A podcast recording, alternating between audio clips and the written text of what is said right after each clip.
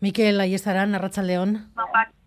Arracha León. Son ahí las nueve de la noche en Adana, en la ciudad en la que te encuentras. Han pasado 39 horas desde el terremoto. ¿Se sigue buscando ahí gente entre los escombros?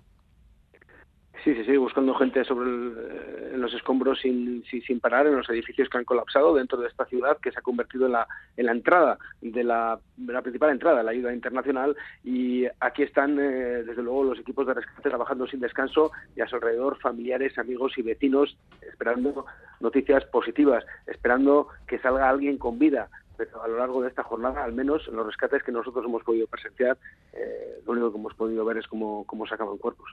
Rescate es laborioso, sea por casa y no sé si con, si con muchos medios, Miquel.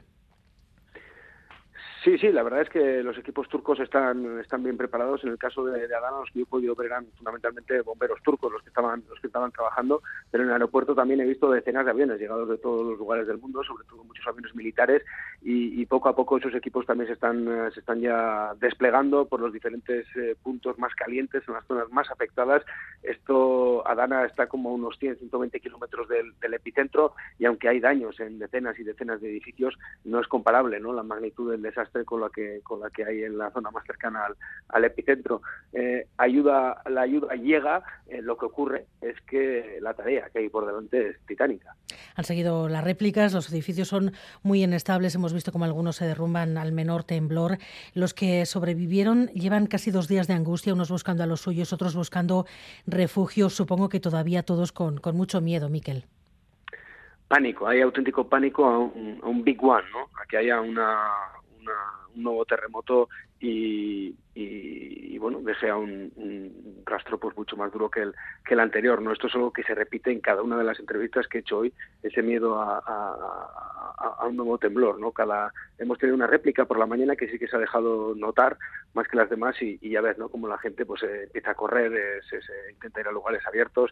Esta, como has dicho, es la, segunda noche que muchos van a pasar a la, a la intemperie. No pueden volver a sus casas porque aunque no, no hayan quedado destrozadas, eh, pues bueno, un temblor fuerte puede puede, hacer que colapsen y, hoy al menos pues han llegado las primeras tiendas de campaña.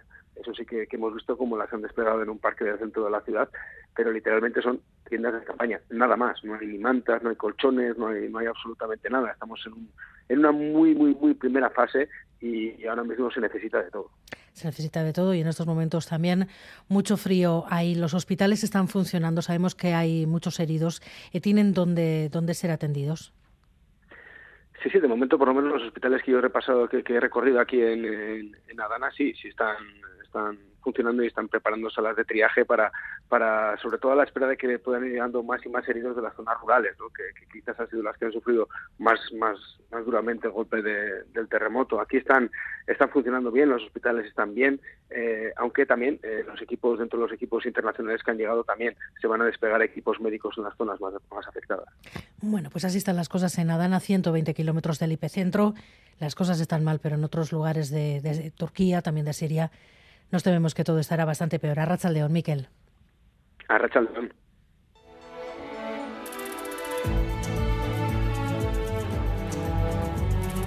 Gambara con Arancha García. 6.200 muertos, la última cifra oficial, miles de desaparecidos, pero miles también rescatados con vida. En eso se afanan ahora, pero es una labor no solo contra el reloj, también titánica, porque estamos hablando de una superficie afectada equivalente a toda Grecia, John Fernández Efectivamente, estamos hablando de unos 140.000 kilómetros cuadrados, para que se hagan una idea, una superficie similar a la que formarían juntos la comunidad autónoma vasca, Navarra, Cantabria, Asturias, La Rioja, Castilla y León y Madrid. Solo en Turquía, las eh, provincias declaradas zona de desastre esta mañana por Erdogan ocupan 100.000 kilómetros cuadrados, un territorio mayor que el de países como Hungría o Portugal.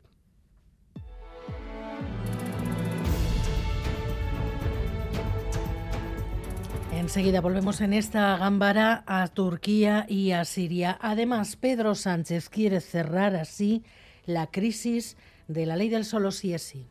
¿Qué se hace cuando un problema se plantea en la aplicación de una ley? Y la respuesta es evidente.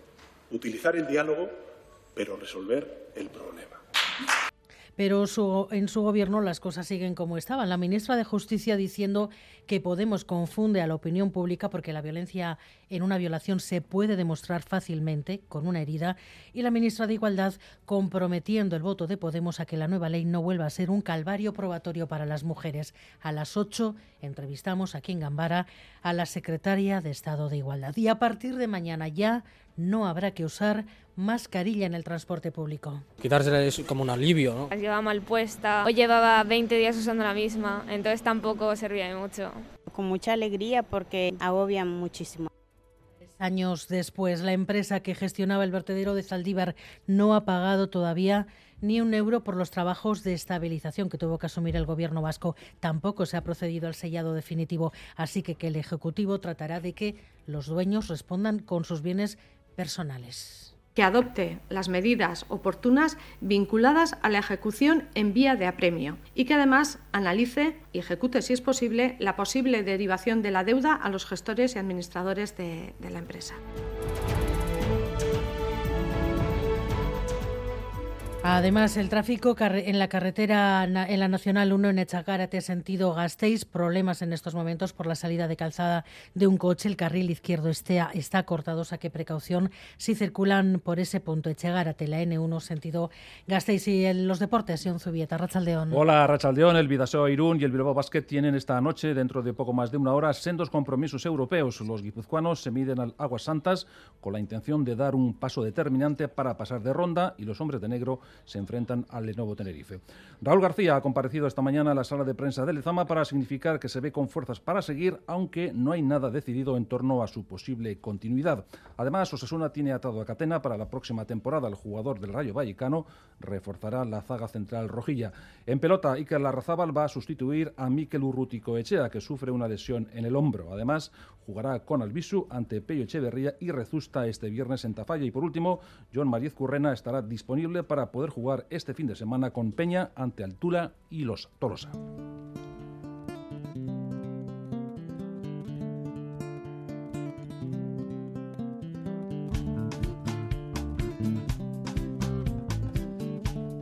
El puerto de Amberes es donde más cocaína se incautó en Europa el año pasado, una cifra récord de 110 toneladas, probablemente una ínfima parte de lo que entró de verdad. Por primera vez una comisaria de Interior ha visitado las instalaciones de la ciudad belga para denunciar los peligros del crimen organizado que mueve la droga y para remarcar la dimensión europea del problema Bruselas-Amaya-Portugal.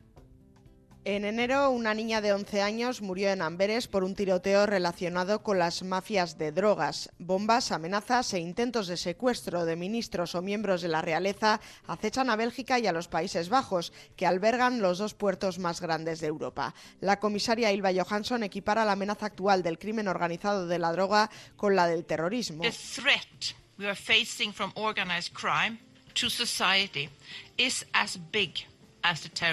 Una amenaza incluso mayor ya que la percepción de falta de seguridad en las calles rompe la cohesión social.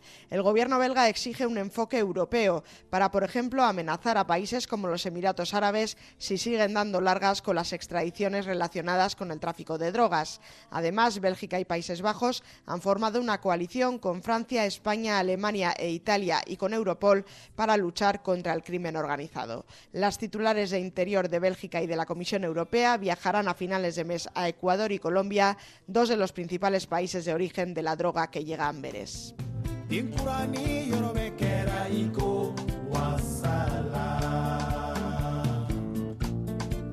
Miguel Ortiz y Pachi González están en la dirección técnica, Cristina Vázquez en la producción.